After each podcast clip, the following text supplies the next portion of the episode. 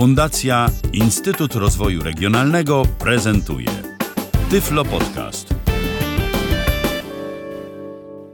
Dzień dobry, dzień dobry. Audycja 142 zdaje się Tyflo Przeglądu i tak jak ostatnio Mówiliśmy, że raczej będzie inaczej, ale no niestety jest nadal tak, że y, ten typ przegląd musieliśmy zrobić również, że się tak wyrażę, offline.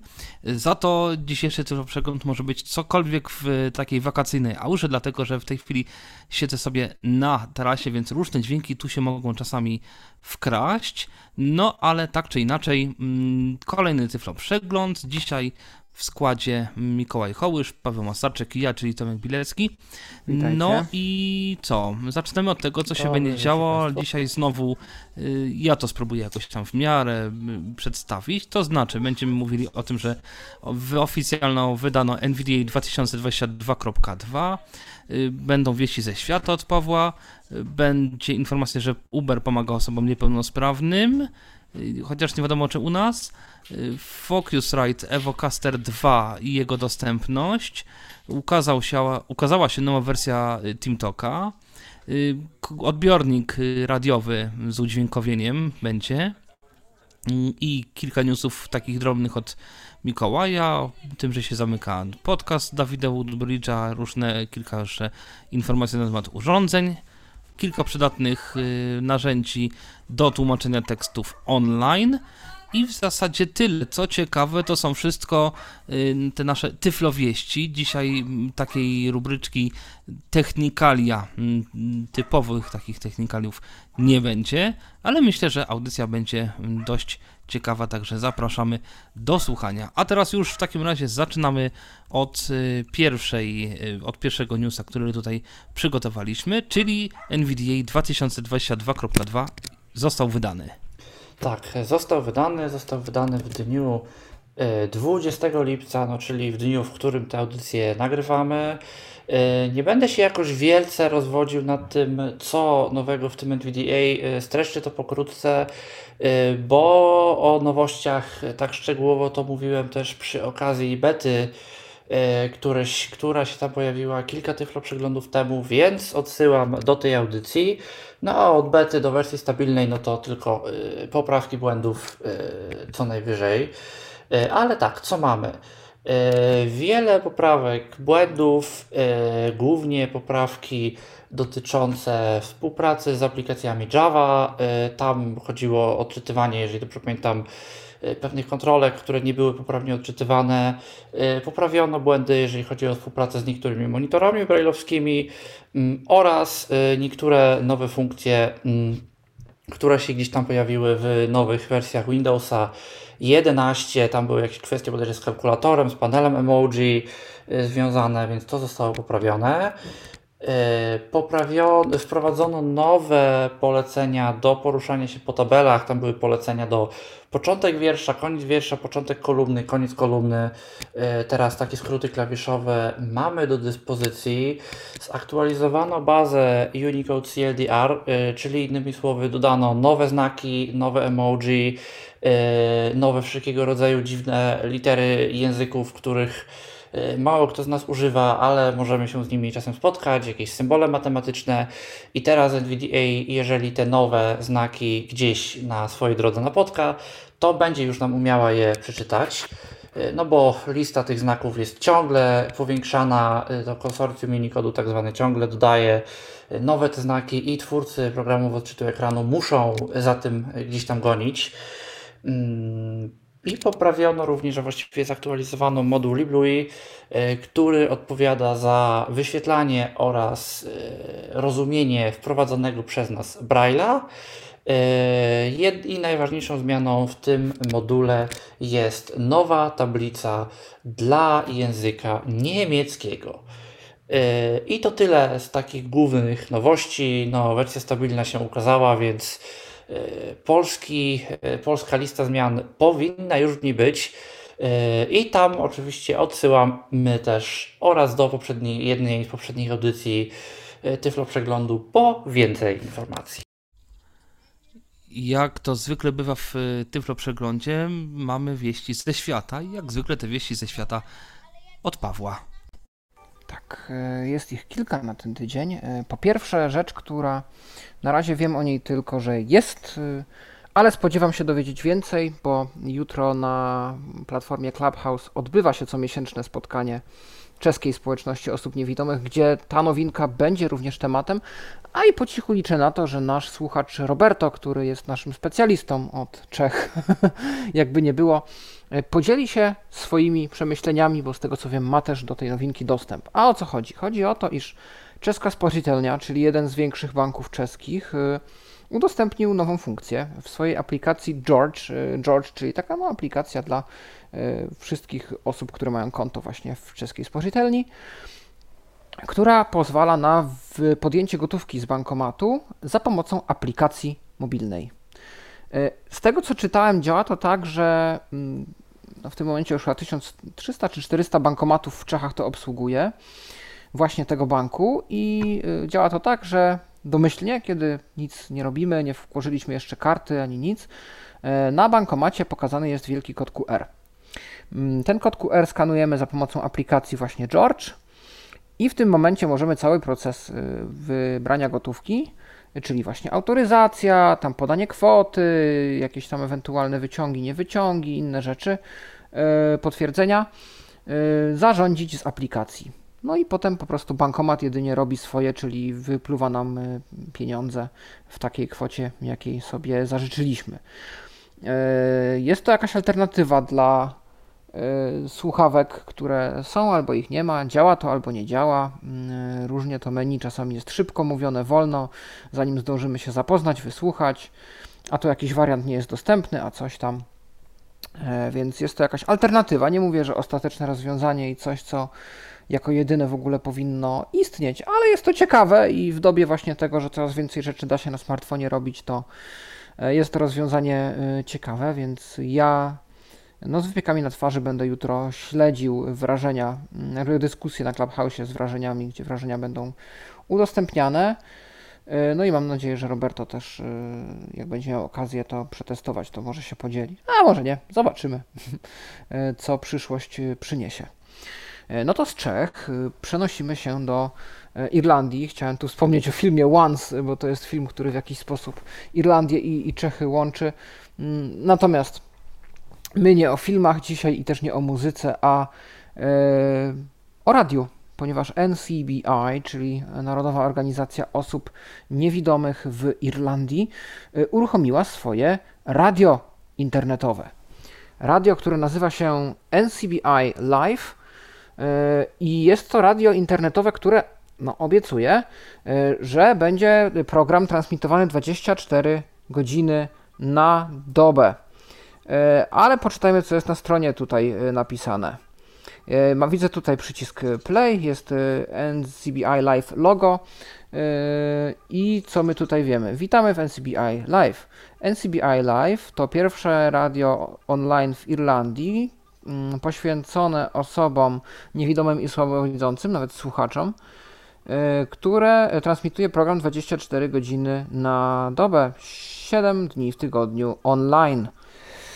Mm, treści, które transmitujemy, y, zawierają w sobie różne aspekty życia z y, osobą niepełnosprawnością wzroku, od y, dostępnej technologii do problemów, które mm, są ważne dla społeczności osób z dysfunkcją wzroku oraz do historii, którymi dzielą się osoby z dysfunkcją wzroku i doświadczenia.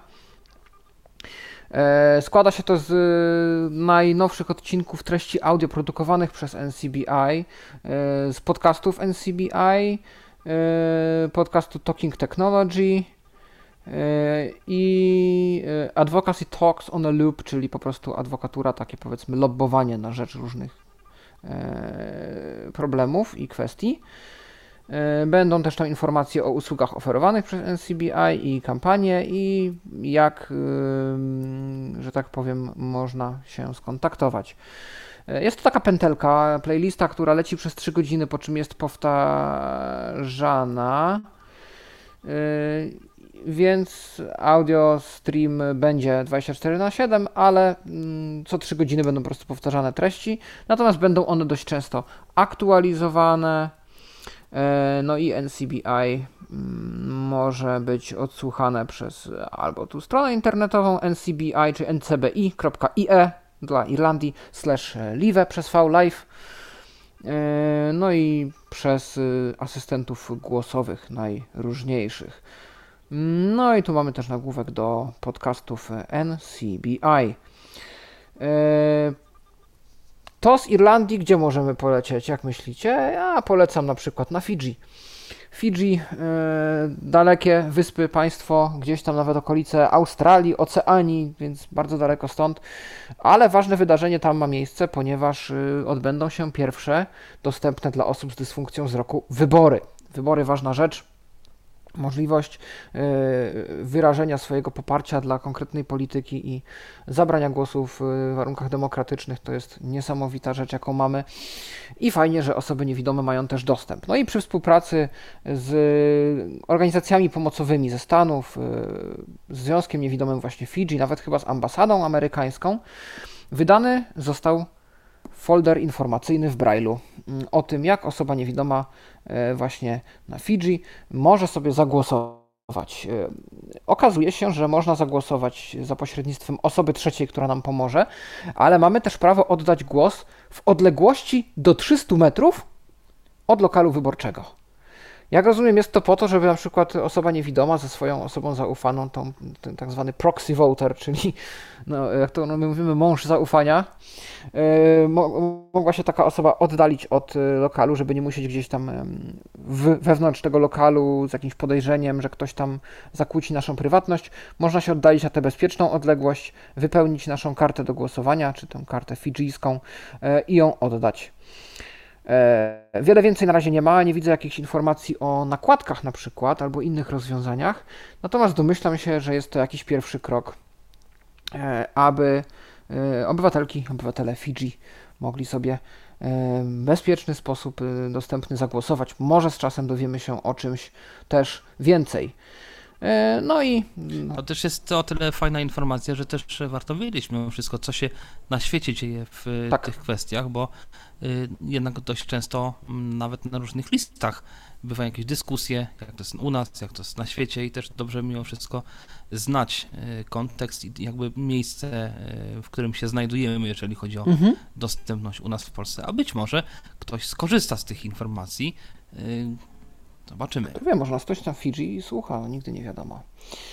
Ehm, natomiast ostatnia informacja, to też tak gwoli e, turystyki jeszcze z zeszłego tygodnia. E, jest takie miasto jak Antequera w Hiszpanii i tam zostały poprowadzone linie prowadzące. Gdzie, w jakiej ilości, e, ciężko powiedzieć. Natomiast miasto jest gdzieś tam z tego bardzo dumne wraz z organizacją ONCE te linie zostały gdzieś tam nakreślone i położone, e, więc gdybyście mieli akurat w Hiszpanii opcję to miasto zwiedzać, albo tam być, albo może rozważacie jakiegoś Erasmusa lub inną aktywność, e, to możecie wiedzieć, że tam już jakieś linie są. Jeżeli to są takie linie, jak ja kojarzę z Innsbrucka, to fajna sprawa, bo no, linia prowadząca pociągnięta przez dużą część rynku to jest jednak niesamowite udogodnienie, jak nawet chcemy przejść się na spacer, mm, gdzieś tam pospacerować, dojść w jakieś tam miejsce centralne, które jest takim miejscem powiedzmy spotkań e, ludzi albo miejscem, gdzie różne wydarzenia się dzieją, takim centralnym miejscem. Od przystanku aż do tego miejsca jest pociągnięta linia. Po drodze mija się różne jakieś sklepy, galerie handlowe i tak dalej, więc e, niesamowite udogodnienie. Mam nadzieję, że w Antekerze E, też e, osoby tam mieszkające lub przebywające mogą się tym cieszyć. Swoją drogą do takich ciekawostek, co tam w różnych krajach, głównie europejskich, się dzieje, Polecam Twittera Europejskiej Unii Niewidomych, Euroblind na Twitterze. Tam można sobie mm, poczytać, bo ostatnio zatrudniono tam nową osobę od właśnie komunikacji takiej social mediowej.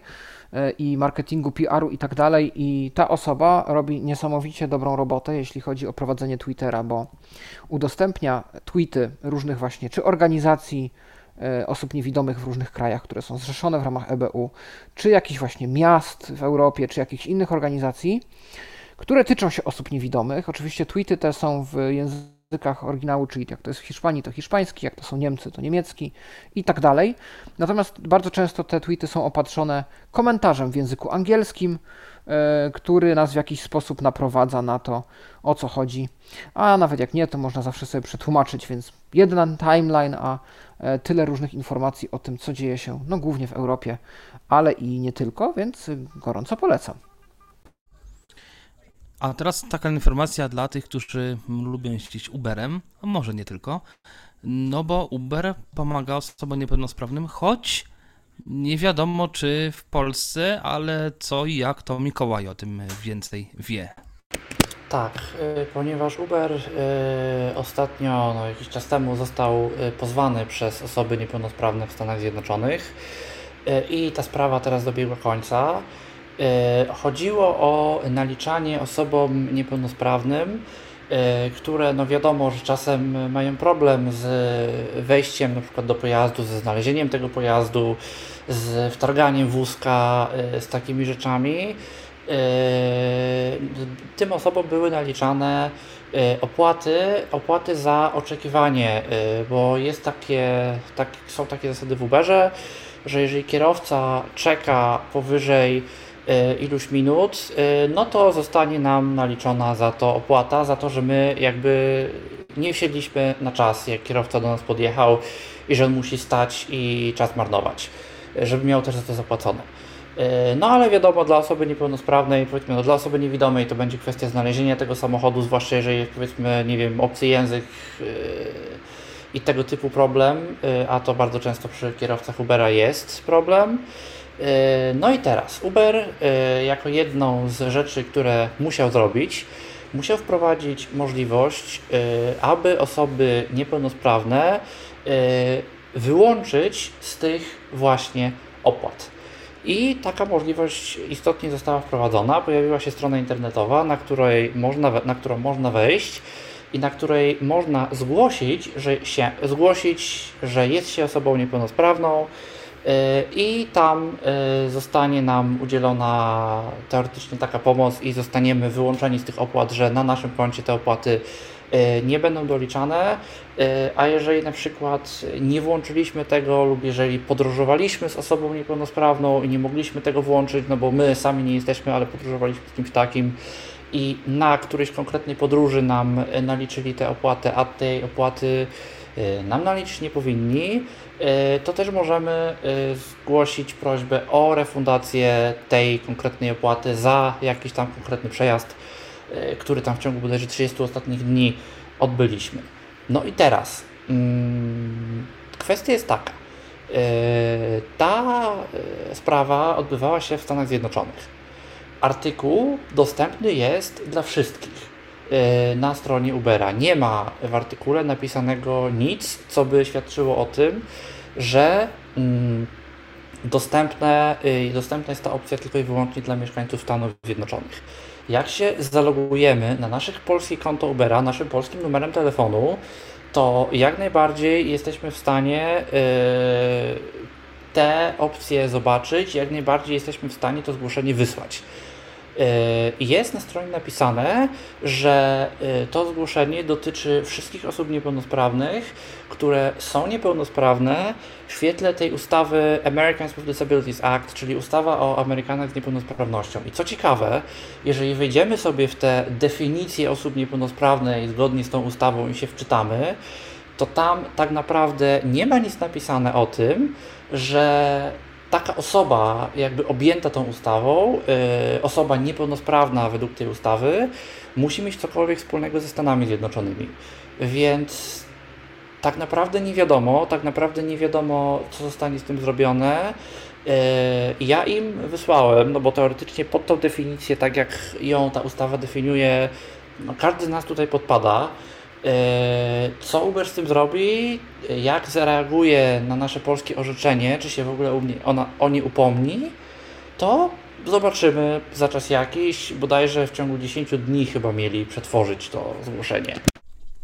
No to rzeczywiście ciekawe.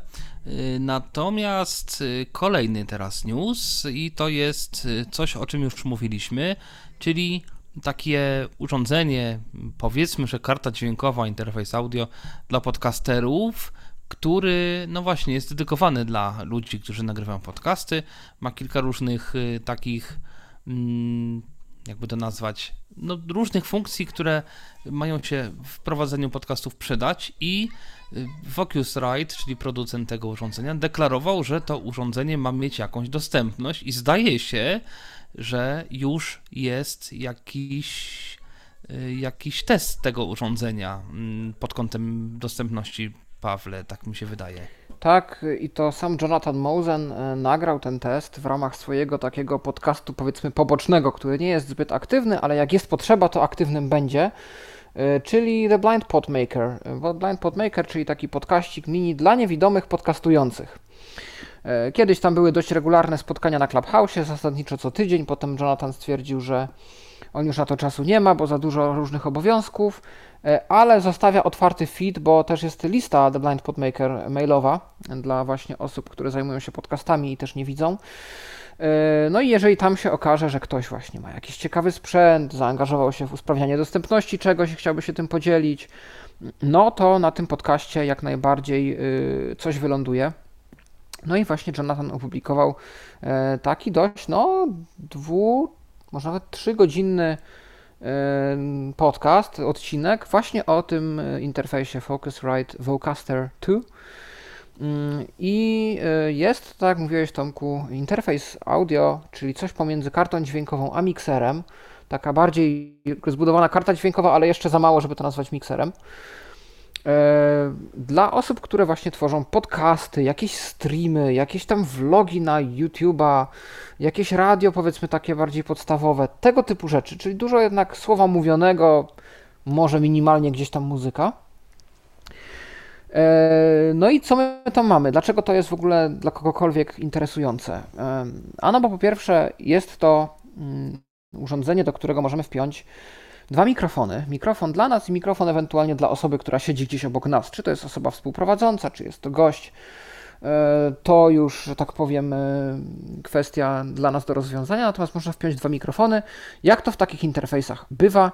Mikrofony na XLR, czyli to takie złącze bardziej e, dla bardziej profesjonalnych mikrofonów, nie jest, nie jest to USB. Ponadto możemy podłączyć sobie dowolne urządzenie e, kablem takim zwykłym e, liniowym, jackowym. E, no, dowolne, czy to jest smartfon, czy to jest jakiś, nie wiem, drugi komputer, jakiś odtwarzacz dedykowany osobom niewidomym, na przykład, tak mi przychodzi do głowy. Cokolwiek na jacka. Mamy też Bluetooth w ogóle i to jest dość popularna teraz opcja w różnych tego typu urządzeniach, no czyli możemy wpiąć na przykład telefon również po Bluetoothie. E, no i mm, mamy też e, dwa loopbacki, czyli możliwość przekierowywania na przykład programów różnych na naszym komputerze, e, tak aby dźwięk z nich tyl i tylko z tych programów dźwięk był w naszym tak zwanym ogólnym miksie. Loopbacki są dwa, można tam manipulować, czy chcemy kanał lewy, prawy, czy mono, to, to już tam możemy się bawić. I no właśnie, jest tam parę jeszcze przydatnych funkcji. Jest opcja automatycznej regulacji głośności, która działa w ten sposób, że y, naciskamy przycisk, bo do tego jest fizyczny przycisk na mm, obudowie właśnie interfejsu. Przez 10 sekund coś sobie mówimy do mikrofonu, jakiekolwiek rzeczy, i on analizując nasze, naszą głośność, jak mówimy, jakie mamy w ogóle dźwięki otoczenia i tak dalej, samoczynnie nam dobiera głośność, tak że nie musimy się już martwić o to, czy jesteśmy za głośno, czy nie. Ja słyszałem, jaki to ma efekt i na moje e, trochę za cicho ustawiło Jonathana w tej, w tej demonstracji. E, natomiast no to jest pewnie wada wszelkich rozwiązań jakby automatycznych. My oczywiście możemy dalej tą głośność podkręcać też ręcznie, ale gdyby dla kogoś to było zbyt gdzieś tam przerażające zadanie. Yy, no Wiesz co, dlatego, że to nie jest coś, co ma, mm, takie mam wrażenie, mm, zrobić, żeby ktoś był odpowiednio głośno, żeby, żeby po prostu wyjść to na, na stream, tylko mhm. zdaje się, że ten, ta automatyczna regulacja wzmocnienia to jest taki poziom, żeby na pewno nie było przesteru. Aha. Więc oni robią, tak mi się przynajmniej wydaje, y, żeby, żeby to było troszeczkę za cicho, bo, bo wtedy nawet jak y, ustawi się, ktoś będzie głośniej troszeczkę mówił, no to nic się nie powinno stać. Rozumiem. No to dzięki tu za objaśnienie. No i oczywiście do tego wszystkiego jest oprogramowanie. Zdaje się, że kiedy kupujemy ten interfejs, to dostajemy coś takiego jak Software Package, Essential Software Package, czyli oprogramowanie, które zdaniem Focusrite'a mm, może nam się przydać do rozpoczęcia naszego pierwszego podcastu. Bo jakby założenie jest takie, że osoba, która kupuje tego typu sprzęt, nie jest jakoś profesjonalnie zagłębiona w tematykę produkcji audio i potrzebuje po prostu czegoś, co większość rzeczy zrobi za nią. Takie, że podpinam, nagrywam, ewentualnie jakąś tam minimalną obróbkę prowadzę i udostępniam mój pierwszy podcast. Nie? No w związku z czym dostajemy w ramach tego pakietu yy, dostęp do kilku programów. E, takim programem na przykład jest e, Hindenburg, dość znany taki edytor e, do, z dźwięku ukierunkowany na podcasty. On z tego co wiem dostępny niestety nie jest. Więc jak ktoś zna się na Reaperze, czy Audacity, czy innym, na przykład Macowym jakimś softie, to lepiej się tego trzymać, bo tak.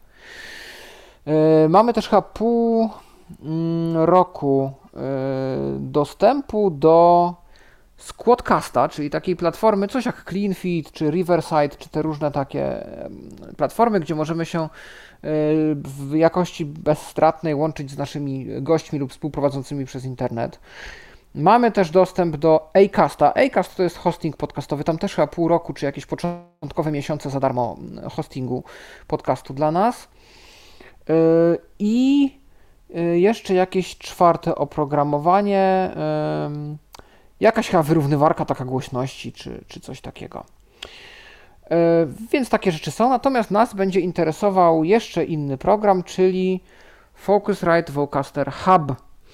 Jest to oprogramowanie do sterowania, e, no właśnie, e, tym całym interfejsem. I oprogramowanie dostępne jest, a jakże? Wszystkie etykiety są tam, gdzie powinny być. Po interfejsie można się przemieszczać? No pod jednym warunkiem, że używamy ekranu dotykowego w naszym komputerze albo symulacji ekranu dotykowego z klawiatury.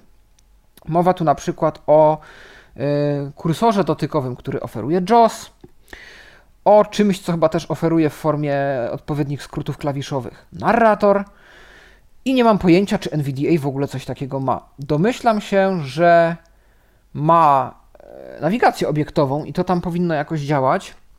Natomiast czy to jest takie wygodne, no to już bym się kłócił. Przy czym, no właśnie, yy, tutaj można też yy, jak najbardziej yy, ustawić pewne rzeczy raz i już o tym potem więcej nie myśleć. Więc y, możliwe, że do takiego skonfigurowania tych różnych właśnie poziomów, co gdzie ma iść i tak dalej, no to jak najbardziej możemy się poświęcić i jakby zrobić to za pomocą nawigacji obiektowej. Mimo wszystko mi dalej się wydaje, że, że nie jest to gdzieś naj, najwygodniejsze. Natomiast to nie jest jeszcze koniec, to nie znaczy, że na tym się zakończy przygoda. Jest szansa, że e, Focusrite to usprawni, jest szansa, że ktoś to oskryptuje. Tak więc no, pożyjemy, zobaczymy, ale jakby dalej kontakt między społecznością niewidomych użytkowników a firmą Focusrite jest. E, i te usprawnienia prawdopodobnie dalej gdzieś krążyć będą. Mm, ja w tym momencie e, sobie spojrzę, ile ten interfejs e, będzie kosztował w Polsce, bo cenę jakby jakąś powiedzmy amerykańską, dolarową to jakby już gdzieś słyszałem, ale myślę, że nie ma się z nią co posiłkować. O, 2590 zł dotarłem właśnie do, do ceny. No więc tyle kosztuje. Więc trochę z tymi 300 dolarów, 400 przesadziłem, to trochę za mało. Yy, jest też cała paczka mm, Studio, yy, Vocaster Studio. Tam mamy już wtedy w pakiecie też mikrofon jakiś z Focusrite'a i słuchawki, jeżeli nie mamy jakichś swoich, którym ufamy i których jesteśmy zadowoleni, ale jak mamy, to możemy kupić sam interfejs. I to w zasadzie tyle, co na ten moment mogę powiedzieć. Fajnie, że tego typu sprzęty też y, są, powstają i przede wszystkim, że rozwija się ich dostępność, bo im bardziej low-levelowe, że tak powiem, niskopoziomowe jest wejście na rynek podcastingu, tym więcej tych podcastów będziemy mieć. No w związku z czym więcej osób gdzieś też się tym podcastom poświęci.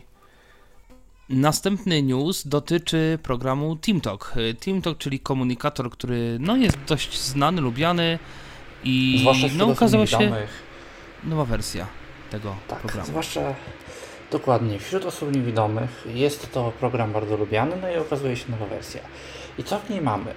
E, I tutaj, no chyba pierwsza, jeżeli nie pierwsza, to jedna z pierwszych wersji, gdzie w tym dostępnym kliencie na system Windows stworzonym specjalnie dla osób niewidomych nie mamy nowości ani jednej, e, no co pokazuje e, nie mniej, nie więcej tyle, że cały czas postępuje to, e, co obserwujemy już od kilku wersji, czyli ten nasz klient Qt, klient tworzony dla wszystkich, nie tylko dla osób niewidomych, robi się coraz bardziej dostępny i no, kładzony jest nacisk na to, e, żeby osoby niewidome powoli przerzucać na ten właśnie klient, który jest jaki jest, e, mógłby być czasem lepszy, ale widać też, że autorowi na tej dostępności jakoś zależy, o czym za chwilę. A więc co w tym kliencie?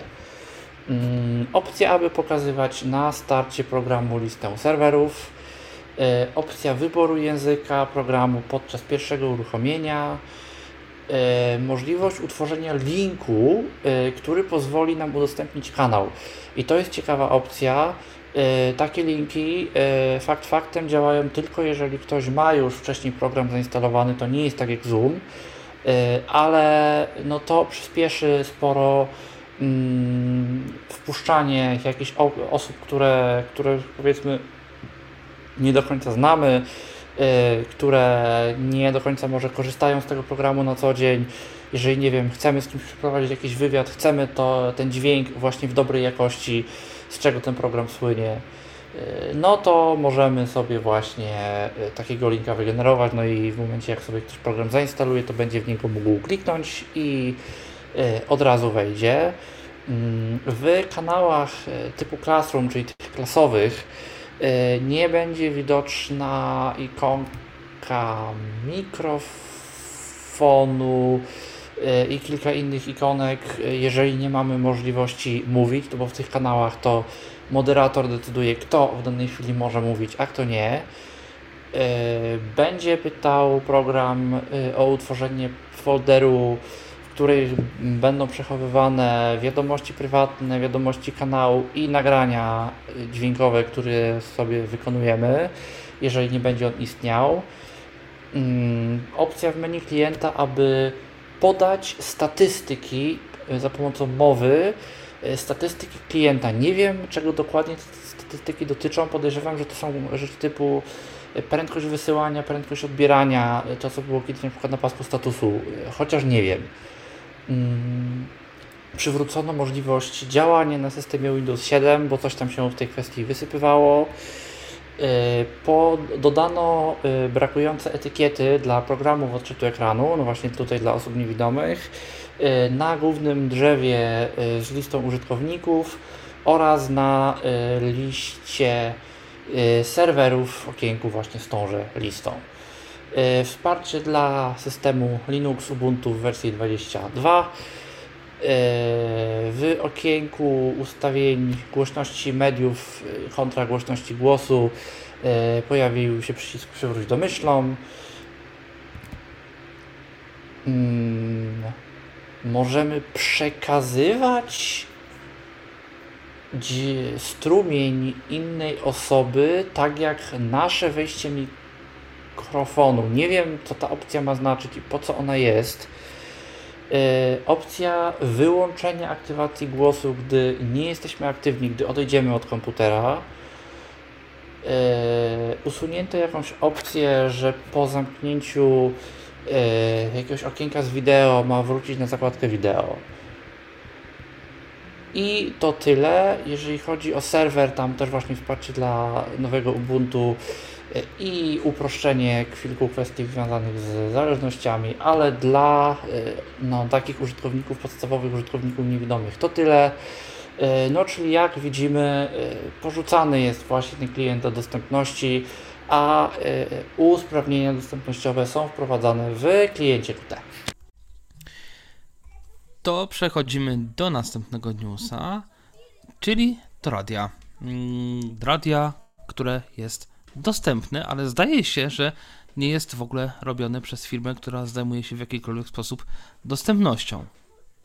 Tu y, I tak i nie, bo, bo firma Technisat to nie jest firma obca nawet osobom, które nas uważnie słuchają, bo ja już kiedyś wspominałem o tym, że firma ta właśnie niemiecka współpracowała kiedyś gdzieś tam w Bawarii mm, nad dostępnością radia i stworzyli taki jeden odbiornik, który był sterowany jakimś takim dość prymitywnym, ale asystentem głosowym. Tam były jakieś zaimplementowane komendy głosowe, po niemiecku oczywiście, i można było y, tym radiem sterować.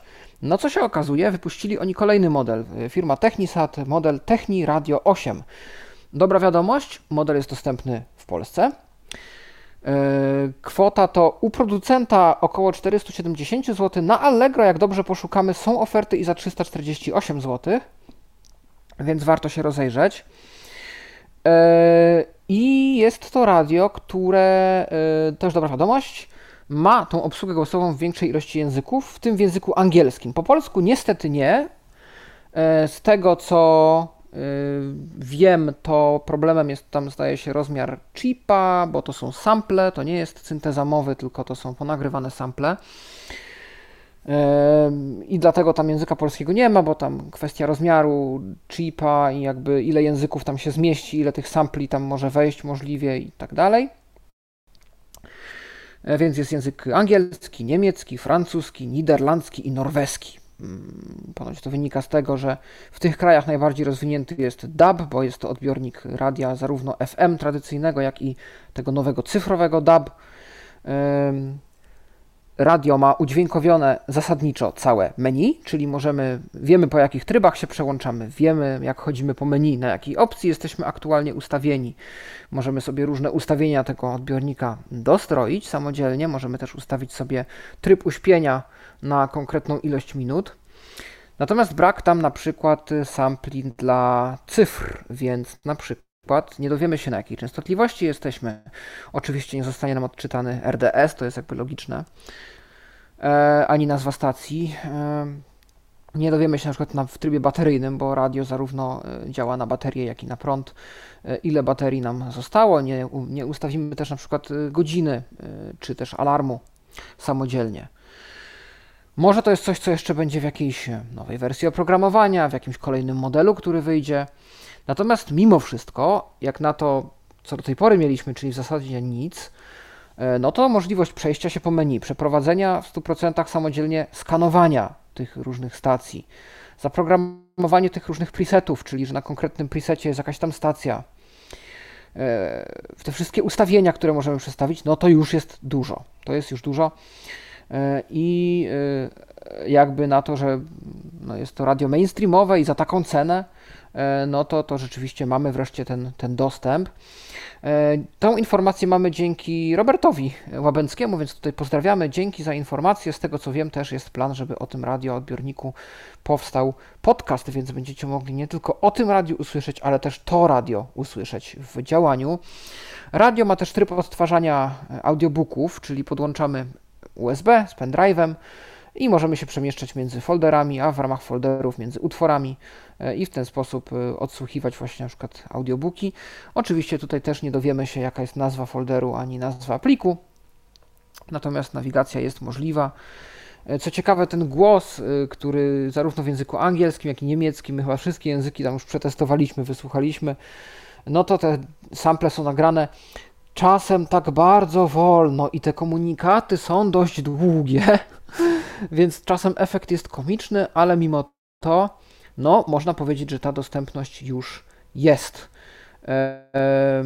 Radio ma bardzo dobry dźwięk, dość dużo basu, oczywiście też kwestie e, jakieś tam basu, trebli, equalizera możemy sobie też na swój sposób podkręcić. Jest parę mm, gotowych presetów, możemy też sami sobie e, ten stosunek e, wysokich, niskich tonów skonfigurować, oczywiście bez tutaj już udźwiękowienia, które nam powie, jakie wartości ustawiamy, ale można to dość szybko zweryfikować, no bo usłyszymy, jak ta synteza, jak te sample nam czytają E, oczywiście już z tymi nowymi ustawieniami, więc tutaj jakby możemy sobie to gdzieś tam w miarę szybko skonfrontować z rzeczywistością. No i to w dużym skrócie tyle, jeśli chodzi, więc no, może dla kogoś to będzie jakiś interesujący nowy zakup. E, więcej o tym radiu też się dowiecie takich technicznych ciekawostek, takich smaczków, e, kiedy już zostanie nagrany i opublikowany podcast, ale myślę, że zwłaszcza na to, że jest to dostępne w Polsce i w jakimś języku, którym przynajmniej E, podstawowe techniczne rzeczy większość z nas jest w stanie zrozumieć, zwłaszcza jak zostanie nagrany o tym podcast, e, no to zrobiliśmy już jakiś krok w przyszłość. Na temat, y, znaczy może na temat, drobne newsy w Tyflo Przegodzin to już w zasadzie standard i były drobne newsy od Pawła, no to teraz czas na drobne newsy od Mikołaja. Tak, e, zamyka się podcast Davida Woodbridge'a, e, na którym to już od wielu, wielu lat były prezentowane technologie dla osób niewidomych wszelkiego rodzaju w języku angielskim. E, chciałbym zorganizować jakiś wysiłek, żeby to zarchiwizować, pobrać i zachować gdzieś na wieczność dla potomności, bo tam może być parę ciekawych rzeczy, które gdzieś w przyszłości, do których fajnie będzie wrócić, no bo historia technologii jest czymś, co wcale nie jest tak łatwo czasem odzyskać i wcale czasem nie jest tak łatwo dojść do tych starych materiałów. Co to niewidomi na przykład myśleli o pierwszym iPhone'ie, ja na przykład kiedyś takich rzeczy szukałem e, i to wcale nie jest tak prosto znaleźć, jak, jakby się człowiekowi wydawało. E, ale co z tym będzie, to jeszcze zobaczymy. E, w każdym razie, jeżeli ktoś chce sobie pobrać, to przed końcem października powinien to zrobić bo potem nie będziesz miał takiej możliwości. Y, pojawiła się taka informacja, właściwie doszła do mnie, że w iOS 16 jest podobny jakiś przełącznik w ustawieniach, yy, który ma pozwalać na odczytywanie nam powiadomień nie tylko przez słuchawki, ale także przez głośnik. Dotyczy to niestety oczywiście powiadomień Siri, no czyli w języku polskim nie będzie to działać za fajnie. Y, chociaż ja, i to jest ciekawe, miałem okazję usłyszeć, miałem okazję usłyszeć ostatnio u y, osoby jak najbardziej widzącej, jak najbardziej w Polsce, y, użycie właśnie Siri do odczytywania, kto dzwoni na iPhone'ie. Co oczywiście brzmi dość śmiesznie, brzmi to oczywiście po angielsku, ale jeżeli mamy jakieś proste nazwy kontaktów, lub się po prostu tego nauczymy, no to można, można. E, firma Orbit e, poinformowała, ile będą kosztować produkty o nazwie Orbit Slate, czyli te niby jakieś monitory takie dotykowe, które mają wyświetlać w formie dostępnej dla osób niewidomych grafikę dotykową, tekst brajlowski, tak naprawdę nie wiemy do końca czym one mają być, jak one mają być skonstruowane. Yy, wiemy ile one będą kosztować. Yy, będą one kosztować jeden z modeli 3495 dolarów i drugi z modeli yy, będzie kosztował 3995 Y, dolarów, ale nie znamy dokładnych rozmiarów, nie znamy dokładnych y, specyfikacji tych urządzeń, czy to będzie braille, czy to będzie tylko grafika, czy to będą obie te, te formy. No, ale to ale też. tak czy inaczej, jak na tego typu urządzenie, to wcale to nie, nie jest, jest jakoś bardzo ogromna drogo, cena. Dokładnie. Bo chociażby DotView to są ceny chyba dwukrotnie wyższe z reguły, jak nie lepiej. Tak, to kiedyś tam kosztowało chyba około 50 tysięcy nawet, gdzie teraz no co, 4000 dolarów, no to jak przy dobrych wiatrach no, 15 tysięcy, powiedzmy, że 20 razem z cłem i tak dokładnie, tak dalej, więc dokładnie. jest szansa, że jeżeli komuś to będzie potrzebne, to możliwe, że z aktywnego samorządu będzie jakoś można jakoś. kupić. Mhm. W każdym razie nie jest to nie jest taka tragedia jak mogłoby się wydawać. Były drobne newsy od y, Mikołaja. Od Pawła w pewnym sensie też były, tylko że y, Paweł ma dwie kategorie drobnych newsów i teraz druga kategoria od Pawła drobnych newsów. Tym razem no, nie to, że drobne newsy ze świata, tylko po prostu drobne newsy. Tak, czyli takie rzeczy, które nie, moim zdaniem dokładnie tak jak u Mikołaja nie zasługują na jakąś osobną wzmiankę, tylko na to, żeby szybko po prostu po nich przeskoczyć, bo, no bo nie ma co się tu rozwodzić. Pierwsza rzecz, ciekaw jestem Mikołaju, czy ty też w swoich jakby anglojęzycznych kręgach trafiłeś na ten problem? Ja już o tym słyszałem co najmniej dwukrotnie właśnie u Jonathana Mausena w Mausen at Large, ale też gdzieś na Twitterze widziałem i to głównie zdaje się jest problem Wielkiej Brytanii, ale chyba nie tylko, bo wielcy tego świata, jeśli chodzi o streaming, też mają z tym problem. A no bo właśnie, e, wchodzą różne teraz tryby dźwięku przestrzennego, jakieś Dolby Atmos, jakieś dźwięki 5.1 przestrzenne w Apple'u. I wszystko w teraz Netflix też wprowadził w ogóle jakiś swój tryb dźwięku przestrzennego, który ma rzekomo działać na każdych słuchawkach stereo, na jakichkolwiek słuchawkach czy głośnikach, które wspierają zwykłe stereo. E, I to chyba już jakoś zaczyna działać, bo moja mama oglądała dzisiaj serial, najnowszy sezon czegoś. I się mnie zapytała, czy to jest normalne, że e, w tych słuchawkach, które ona ma, e, czy te słuchawki są takie super, że ona słyszy po prostu przestrzennie, że coś się dzieje, że takie fajne stereo, że w lewym kanale co innego, w prawym co innego. I mi się zdaje, że to nie jest magia słuchawek, to jest po prostu mm, właśnie ta nowa funkcja Netflixa. Która dodajmy, jeżeli to jest to, o czym myślę, to to nie jest niczym jakimś szczególnym, dlatego że podejrzewam, że tu skorzystano po prostu z różnych algorytmów, które potrafią y, właśnie w takim zwykłym stereo emulować dźwięk przestrzenny i to jest już y, funkcja znana od lat.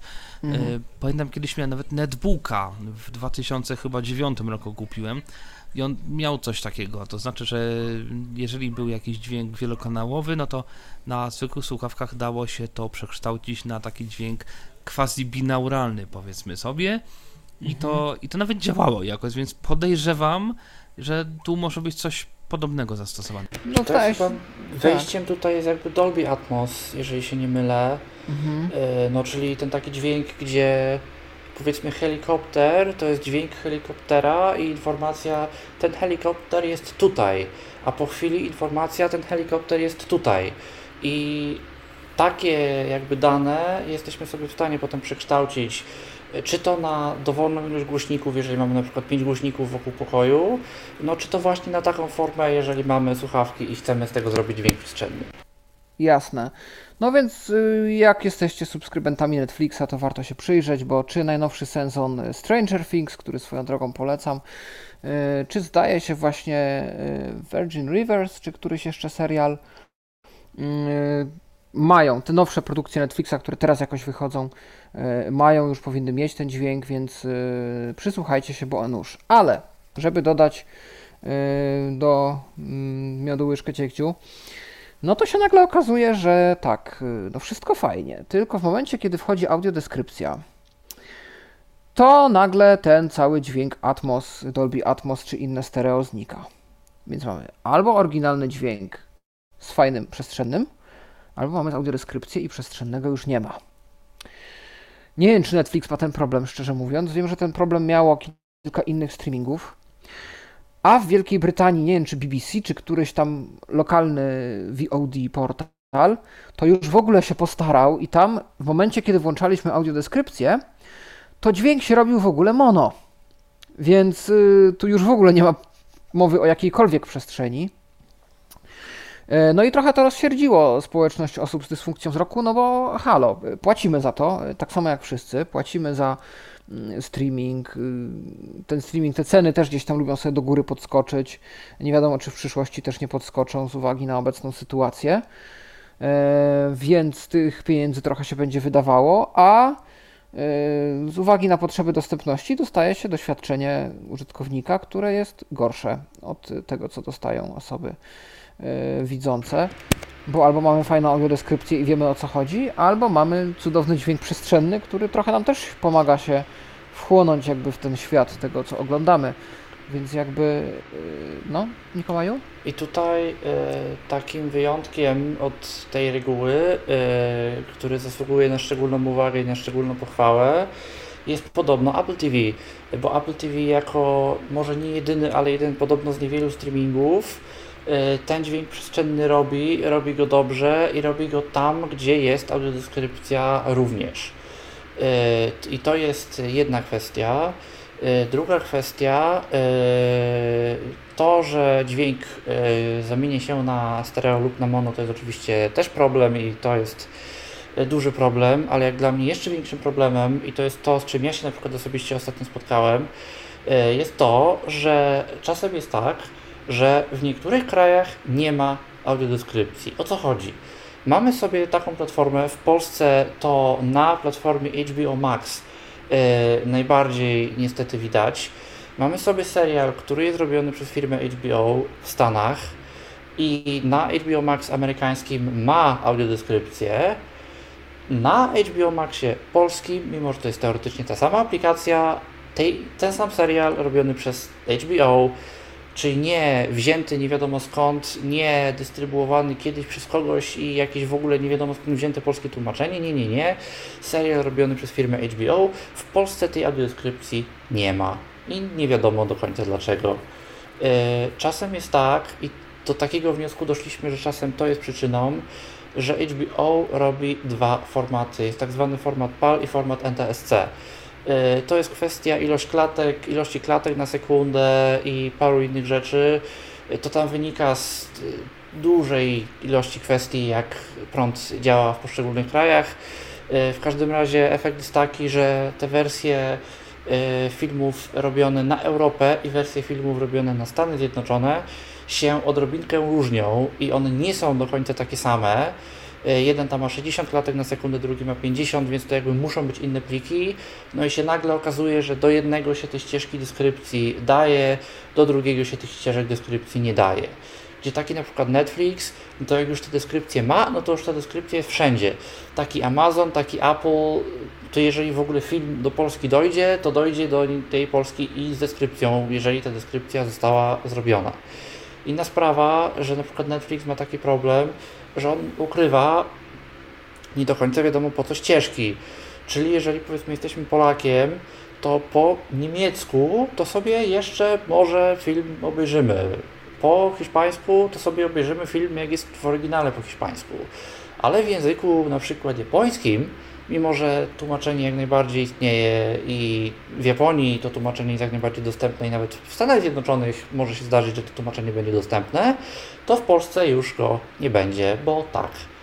Yy, I no jeżeli na przykład się okaże, że jeden z tych języków jakimś cudem do czegoś audiodeskrypcję dostał, yy, my go znamy, a powiedzmy nie znamy na przykład angielskiego, yy, a tak się czasem zdarza, no to też nie jest fajne. Y, bo no, moglibyśmy skorzystać, moglibyśmy też dostać, a, a tego po prostu nie dostaniemy, bo, bo tak. Bo, bo w sumie nie wiadomo do końca dlaczego. Najprawdopodobniej to jest kwestia wygody użytkownika i tego, żeby on tych języków nie miał 20, tylko te 5, które teoretycznie wydaje się, że są najpotrzebniejsze. Praktycznie, no ale naprawdę uważam, że można to zrobić lepiej. Na przykład tutaj też Apple y, i Amazon, jeżeli się nie mylę, również no popisali się po prostu mocniej, bo jeżeli ja się uprę na słuchanie sobie filmu po portugalsku, to ja mogę to jak najbardziej zrobić. E, na co mi Netflix na przykład kompletnie nie pozwoli. Ja potwierdzam, ja swojego Netflixa założyłem będąc w Austrii, e, więc ta lokalizacja została wzięta tam gdzieś na Austrię. Ja też wtedy wprowadziłem moją kartę w euro. E, I tam ogólnie jakoś tak wyszło, że mm, po prostu wykryło mnie, że jest w Austrii, więc ustawiło Netflixa na Austrię. Ja y, cokolwiek chciałem obejrzeć, nie widziałem języka polskiego jako opcji, tam że lektor czy dubbing. I nawet jak przestawiłem język interfejsu jakby na stronie Netflixa w ogóle na polski i region na Polskę i wszystko, to teraz tak, widziałem tytuły i opisy odcinków i wszystko po polsku, interfejs miałem po polsku, ścieżki dźwiękowe uparcie nadal pokazywały się tylko niemiecka, angielska i tam jeszcze jakichś parę. E, natomiast dopiero chyba jak wróciłem do Polski, jeżeli się nie mylę, czy tam musiało minąć troszkę czasu, ja już teraz nie pamiętam, to on gdzieś tam jakoś wykrył, że e, Polska, Polska i w sumie to pokazał mi dopiero polskie gdzieś tam ścieżki. Więc no, E, tutaj Netflix rzeczywiście takie rzeczy robi, to muszę, to muszę potwierdzić. Natomiast no właśnie, tutaj też taka e, uwaga, jeżeli słuchają nas osoby, które gdzieś tam będą odpowiedzialne za implementację audiodeskrypcji w jakichś właśnie też polskich, e, czy platformach, czy serwisach VOD kiedyś, czy telewizji. Uważajcie, żeby z tymi ścieżkami no nie pomieszać za bardzo, żeby te e, cechy stereofoniczne czy Dolby Atmos zostały zachowane, no bo my byśmy chcieli mieć też dostęp i do tego, i do tamtego. Ja to już widziałem jeszcze na, na 35mm.online e, tej platformie takiej polskiej, e, filmowej, mhm. kiedyś film, gdzie... Która w ogóle na Hacker Newsie się pojawiła dzisiaj, nie wiem czy tak, widziałeś. a to swoją drogą, tak. e, tak. Nie to, że audiodeskrypcja byłaby w mono, to, to, to dobrze by było. Audiodeskrypcja była w stereo, razem z filmem, w lewym kanale i tylko w lewym kanale. Oj, w prawym nie oj, było nic. Oj, e, oni to potem chyba poprawili, bo tam były właśnie jakieś takie problemy, jak ta platforma świeżo ruszyła z, z niektórymi tymi ścieżkami, ale, ale tak, to było. E, I co ja też kiedyś widziałem, widziałem film na DVD, w ogóle co ciekawe on był. E, nie wiem, czy on był w ogóle kiedykolwiek wydany w tej wersji, e, ale jakby ja widziałem tę płytę, bo, bo znałem kogoś, kto dostał ją od e, gdzieś tam samych, samych producentów, e, który miał film w lewym kanale, audiodeskrypcję w prawym kanale. I to się okazało, jeżeli słuchało się tego na jakichś większych głośnikach, w kilka osób, w jakimś takim pomieszczeniu troszkę bardziej przystosowanym do takich rzeczy, e, z jakimś sensowniejszym sprzętem audio, to to wcale, a wcale nie brzmiało tak źle, jak się tego słuchało na słuchawkach no to trochę gorzej. No, my, ja też właśnie te, o tym też dyskutowaliśmy, z, my dyskutowaliśmy, nie, ja słuchałem, a dyskutował Jonathan Mosen e, z, kim, z kimś tam drugim, e, że fajnie by było właśnie, gdyby była taka technologia, że tą audiodeskrypcję samą da się gdzieś odseparować na jakieś osobne, nie wiem, urządzenie, czy na iPhone'a, czy na jakieś AirPodsy, czy coś, żeby można było robić sobie wspólne seanse z osobami, którym ta audiodeskrypcja mogłaby przeszkadzać, nie? To jest na przykład model brytyjski. Model brytyjski telewizyjny, który jest w telewizji brytyjskiej stosowany, właśnie dokładnie tak działa, że mamy dwie ścieżki. Mamy ścieżkę audiodeskrypcji i mamy ścieżkę, jakby nie audiodeskrypcji, ścieżkę reszty. Yy, I na ścieżce audiodeskrypcji mamy tylko i tylko i wyłącznie audiodeskrypcję. Czyli jeżeli sobie włączymy tę ścieżkę w czymś, co nam to obsługuje, to usłyszymy. Wchodzi do pokoju, Cisza, cisza, cisza, cisza, cisza, cisza, cisza. Wychodzi i zaciskają za sobą drzwi. E, a na drugiej ścieżce mamy osobny, osobny zupełnie film e, i musimy mieć odbiornik, który jest na tyle ogarnięty w tym wszystkim, no odbiorniki sprzedawane na tamtejszy rynek e, są na tyle ogarnięte, że on będzie nam w stanie te dwie ścieżki zmiksować i nawet bardzo często wyciszyć nam ścieżkę filmu w momencie, gdy wchodzi nam ścieżka audiodeskrypcji. Oczywiście, jeżeli mamy, nie wiem, jakąś kartę telewizyjną, y, cokolwiek tego typu i sobie chcemy posłuchać takiego streamu na przykład w VLC, y, czy innym tego typu odtwarzaczu, który jest w stanie współpracować z no, telewizją wszelkiego rodzaju, taką naziemną, nadawaną, no to usłyszymy albo film, albo audiodeskrypcję i my się musimy męczyć, żeby wymusić w ogóle jakimiś dziwnymi opcjami z linii poleceń, e, żeby ten VLC zrobił to, co my chcemy, żeby on zrobił. I to wydaje się fajne, wydaje się super, a praktycznie jeżeli to się źle zaimplementuje, no to czasem właśnie kończy się to tym, że słyszymy samą audiodeskrypcję, a filmu to już nie. Mhm. Ale to każde y, takie rozwiązanie to powoduje jakieś problemy. Ja bym w ogóle kiedyś chciał, żeby mm, była jakaś taka implementacja audiodeskrypcji tekstowa, mm, przynajmniej dla smartfonów. Tak. I w tym tak. momencie w ogóle by było fajnie, dlatego że można by zrobić audiodeskrypcję w jednym języku, i nawet trudno przetłumaczyć ją maszynowo, jeżeli nie ma pieniędzy. Ale to jest generalnie, myślę, że y, w perspektywy to jest ogromna oszczędność kosztów. Nie trzeba zatrudniać lektora dla każdego języka osobno.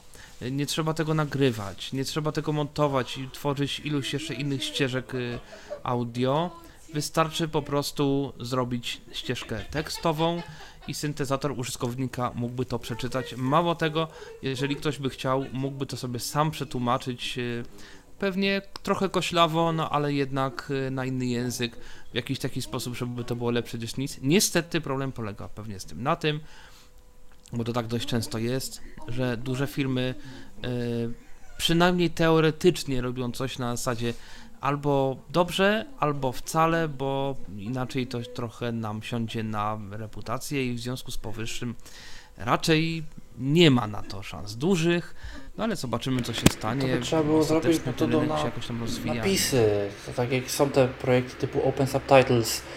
.org, gdzie ludzie tworzą fanowskie napisy do filmów w różnych językach, które tych napisów nie mają. I to myślę, że w ten sposób w ogóle format cały SRT, y, czyli format właśnie, w którym dystrybuuje się napisy do filmów, uważam, że jak najbardziej się nadaje do, y, do tej A to zabawy. się zgadza. E, Mhm. Zwłaszcza, że mamy oprogramowanie chociażby pod player na Windowsie, e, chociażby. Tak, które czyta to. Tak, Nie, który na każdą platformę w tym momencie mamy, Tak. tak. Jakiś chociaż jeden program. Tak, dokładnie. już, no, No dobrze, słuchajcie, bo audiodeskrypcja to na nas wraca jak bumerang i o tym się gada dużo, a jeszcze kilka newsów przed nami. e, Pawła. dokładnie. E, druga rzecz, e, bo to miał być, miał być drobny news, a wyszedł niedrobny, ale to nic. E, to teraz bardziej dro, drobizna. Jakiś czas temu mówiłem tu o tym, że nadchodzi nowa aktualizacja oprogramowania dla monitorów brailleowskich z serii e, Focus Blue 40 Blue i nadeszła. I mamy też listę zmian. Tutaj dziękuję portalowi Blind Review słowackiemu, który e, opublikował e, tą, ten changelog i, i mamy. I e, mamy tutaj wersję 582 mm, 14, taki jest numer. No i jakie to zmiany są, bo coś po, pokrótce wtedy mówiłem, ale nie miałem też wtedy pełnych informacji, a teraz już wiemy. E, Usprawnienia dotyczą notatnika, m, tej funkcji wbudowanego notatnika, który nie wymaga podłączenia z żadnym zewnętrznym urządzeniem. I co tu nowego? M, Pliki z własnymi notatkami mogą mieć rozmiar do 10 MB, zaś odczytywać możemy pliki do 100 MB. Więc tutaj zostało to rozszerzone. Podczas przeglądania zapisanych plików możemy korzystać z nawigacji e, naciskając początkowe litery, czyli można nawigować po prostu po literach, po nazwach pliku, ale także przeskoczyć na początek listy to akord e, spacja i punkty 1, 2, 3 oraz na koniec listy akord spacja i 4, 5, 6. Yy, też mamy yy, akord le, spacja, lewy shift 2, 3, 4, 5, czyli jakby T, yy, pokazuje nam nazwę mm, aktualnie wyświetlonego pliku. Można też wyświetlić numer strony w otwartym pliku, yy, prawy shift i yy, P, 1, 2, 3, 4. Yy, Przejście do poprzedniego otwartego pliku to jest spacja i 2, 4, drugi, czwarty, szósty. Yy, Podczas wyszukiwania wystąpienia tekstu następne wystąpienie w prawo yy, Shift 4, poprzednie yy, w prawy Shift 8 yy, lub wybierając z menu, czyli możemy się przemieszczać szybko między wystąpieniami jakiegoś tam tekstu, który wyszukujemy. Czyli nam się to rozbudowuje w stronę takiego już no, sensownego narzędzia do redagowania jakichś prostych tekstów. Nowe opcje ustawień notatnika. Zapobieganie dzieleniu długich słów. E, Możliwość przewijania listy plików za pomocą przycisków przewijania w tekście, czyli tych routingów, znaczy nie routingów, tylko tych rockerów, czy jak to się nazywa, tych takich strzałeczek na boku, takiej kołyski. Domyślnie jest to wyłączone. Ukrywanie kursora. Kursor punkty 7-8 nie migają, migają krótko. Jeżeli przesuniemy kursor do pozycji z przyciskami kursora. No to jak rozumiem, że jak przesuniemy, to szybko nam gdzieś zamruga, żeby nam się pokazać, a potem przestaje mrugać. Tak ja to rozumiem. Tutaj tłumaczenie maszynowe troszkę zawiodło. Ukrywanie punktów 7-8, które wskazują wielkie litery w notacji 8-punktowej. Doszedł też tryb pisania jedną ręką. Można ustawienia znaleźć w menu urządzenia. Po przełączeniu komendy wprowadzane są jedna po drugiej i kończą się spacją. Na przykład wpisujemy tabulator, akord spacja 4, 5 jako akord spacja 4, 5, 4, 5, akord spacja, czyli jakby jedną ręką te punkty wpisujemy. Yy, Naciskamy spację dwa razy z rzędu, jeżeli chcemy wpisać spację.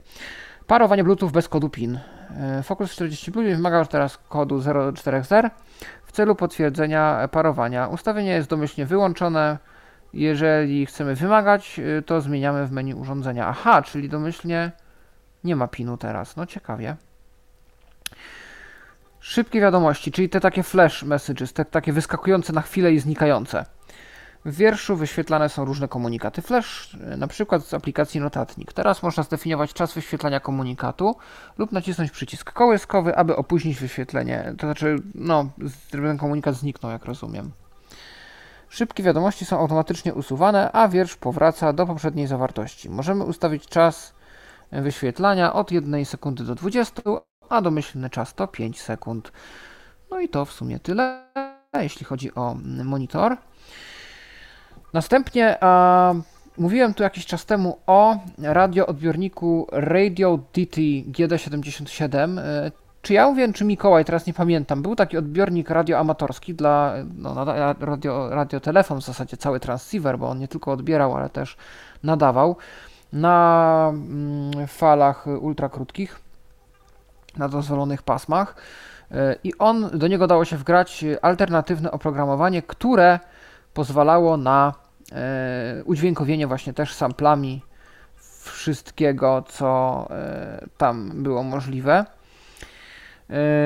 I teraz w, dzięki newsletterowi Chrisa Hofstadera, właśnie Blind, Blind Gons Blinkos Digest, News Digest, wiemy, bo można w ramach tego biuletynu także napisać swój artykuł i tutaj odezwał się pan Joseph Steven, który zajmuje się właśnie takimi alternatywnymi rodzajami oprogramowania.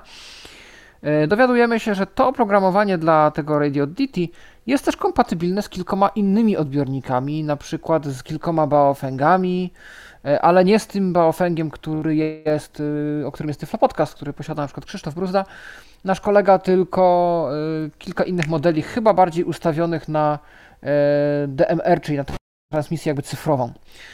I też parę innych modeli właśnie podobnych, gdzieś tam też innych firm. Oprócz tego jest też oprogramowanie Open RTX, które mm, działa na różnych radiach, takich jak TYTM MT380 czy 390, UW380, UW, UV, przepraszam, 380, UV 390, MD9600, Islands HD1 i być może będzie więcej tego typu oprogramowania. Link będzie oczywiście w komentarzu do mm, jakby biuletynu, w którym jest ten artykuł. Możecie tam znaleźć linki do wszystkich repozytoriów na GitHubie e, i zapoznać się z tym, które modele konkretnie są kompatybilne i czy któraś z tych, radio, któraś z tych radiostacji by Was interesowała. E, natomiast podobno, tak? Ja też słyszałem mhm. taką informację, że jakieś właśnie te takie dostępne oprogramowania trzeba było zdjąć z sieci, yy, bo ktoś tam się upomniał, że coś tam z licencją nie pasowało, coś tam nie było zgodne z prawem autorskim i ktoś tam sobie zażyczył, żeby je niby z sieci zdjąć i autorzy teoretycznie i publicznie powiedzieli, że oczywiście, oczywiście my zdejmiemy, a praktycznie to podobno jak ktoś wie gdzie szukać, to, to wcale nie jest tak, że one zniknęły i to wcale nie jest tak, że one przestały być rozwijane, że one gdzieś tam, gdzieś tam nadal są. No widzisz, no to. No ja wiem na przykład, że chyba z GitHuba zniknął y, właśnie OpenRTX, ale on ma swoje forum w internecie i tam, są, tam jest też cała sekcja downloads i, y, i można się z tym zapoznać. Y, no i ostatnia rzecz wtyczka UI Sound. Jest to dodatek do Chroma, który można sobie zainstalować. I dodatek ten dodaje, y, jest w ogóle autorstwa kogoś, kto podpisuje się Lord Luceus i to jest chyba użytkownik z Chorwacji, którego ja też kojarzę na Twitterze, też się y, gdzieś tam y, objawia. Niewidomy jak najbardziej człowiek. Zaangażowany gdzieś tam też w tej społeczności graczy, audio i tak dalej. To jest dodatek, dodaje różne zdarzenia dźwiękowe e, na rzeczy, które się dzieją w Chromie. Rzeczy, które wcześniej przeglądarki już udźwiękawiały, czyli na przykład otwarcie nowej karty, czyli na przykład załadowanie się do pełna strony, na przykład pobranie ukończone pliku, e, no i pewnie parę jeszcze zdarzeń. E, wtyczka używa dźwięków Andrego, które, Luisa, które to były już w jego pakiecie tym 44.1 kHz, chyba ten taki znany Windowsowy jego pakiet. On tam też miał kilka dźwięków dla przeglądarki, tylko żeby było ciekawie, to chyba dźwięki w przeglądarce skomponowane z pakietem Windows to wspierał tylko Internet Explorer, e, a już i do Firefoxa potrzebne były dodatkowe wtyczki, żeby pewne rzeczy były udźwiękowione. No to teraz jest taka wtyczka też do Chroma. E, można ją pobrać i będzie link w komentarzu. E, każde ze zdarzeń dźwiękowych można osobno włączyć lub wyłączyć i można indywidualnie też dostrajać głośność e, każdego z tych zdarzeń mm, osobnym suwakiem. Więc jeżeli komuś brakowało dźwięków w Chromie, to teraz będzie można to zainstalować. Swoją drogą ciekawe, czy to też działa na mobilnych wersjach Chrome, bo tam te, z tymi dodatkami jest różnie, ale na pewno jest jakaś przeglądarka mniej lub bardziej oficjalna, która ten format dodatków będzie wspierać. Więc kto wie, może da się takie rzeczy też zainstalować nawet w Safari. No, trzeba by poeksperymentować albo w jakimś Kiwi browserze czy innym na, na Androidzie. No i wtedy też te dźwięki będą może na wersji mobilnej. No trzeba by się, trzeba by się nad tym pochylić. I to wszystko, co w tym momencie mam dla Was z moich drobnych newsów. I ostatni news zdaje się z y, naszej tyflowieści i zresztą nie tylko, bo dzisiaj nie mamy jakoś przygotowanego nic w rubryce technikaliów, dotyczy tłumaczenia językowego, no tłumaczenia maszynowego i tutaj Mikołaj znalazł kilka ciekawych y, rzeczy z tym związanych. Tak, y, pojawiły się, znaczy są właściwie dwa narzędzia. Jedno, o którym już kiedyś wspominaliśmy, ale myślę, że warto o nim przypomnieć. Drugie nowe. Tak, pierwsze narzędzie to jest narzędzie, które się może przydać każdemu. Yy, bardzo prosta, yy, ładna w użyciu strona yy, o adresie lingwa.ml pisane przez V. I na tejże stronie możemy sobie za pomocą Google'a, za pomocą silnika Google'a tłumaczyć tekst z dowolnego języka na dowolny, tylko że w prostszym, przyjaźniejszym i dostępniejszym też dla nas interfejsie. E, drugie narzędzie to jest narzędzie dla użytkowników troszkę bardziej zaawansowanych, bo to jest narzędzie konsolowe, ale narzędzie bardzo proste w użyciu. E, nazywa się ono Translate Shell, Translate myślnik Shell e, i działa ono w bardzo prosty sposób. Wpisujemy sobie trans, spacja, język, z którego tłumaczymy dwukropek język, na który chcemy tłumaczyć, czyli na przykład pl dwukropek n, albo nie wiem, n dwukropek pl, albo cokolwiek tam innego te takie skróty standardowe, jakie to języki mają. No i wpisujemy coś, cokolwiek tylko chcemy, tekst, słowo, zdanie, yy, kawałek zdania i wyświetla nam się tłumaczenie w języku, yy, no, na który sobie zażyczyliśmy. Możemy też te języki pominąć i w tym momencie będzie nam to automatycznie gdzieś tam ustalane. Możemy pisać na przykład tylko jeden, czyli na przykład jeżeli wpiszemy dwukropek.pl, to znaczy z czegokolwiek na polski, jeżeli wpiszemy PL dwukropek to znaczy, że z polskiego na domyślny. Nie wiem w sumie czym jest domyślny, czy to jest domyślny język systemu, czy to jest zawsze, czy domyślny jest zawsze angielski. Yy, ale, ale narzędzie jest fajne, jeżeli ktoś yy, ma gdzieś tam na przykład yy, teksty w języku obcym, czasem mu gdzieś przyjdą, zetknie się z nimi, nie zna jakiegoś języka i ma potrzebę zrobienia z nimi czegoś, żeby był je w stanie zrozumieć, no to taka opcja mu się spodoba a przynajmniej może mu się spodobać. No i to już w zasadzie wszystkie informacje, które dla Was przygotowaliśmy. Także do usłyszenia za tydzień. Y, może już rzeczywiście uda się za tydzień y, zorganizować Tyflo przegląd już w standardowej formie, żebyście byli również z nami obecni i mogli się z nami skontaktować. Natomiast dzisiaj już y, dziękujemy Wam za wysłuchanie tej audycji. Ja tylko przypomnę, że braliśmy udział we trójkę, czyli Mikołaj Hołysz, Paweł Masarczyk i ja, czyli Tomek Bilecki. No i cóż, do widzenia. Do usłyszenia. Do usłyszenia. Był to Tyflo Podcast. Pierwszy polski podcast dla niewidomych i słabowidzących. Program współfinansowany ze środków Państwowego Funduszu Rehabilitacji Osób Niepełnosprawnych.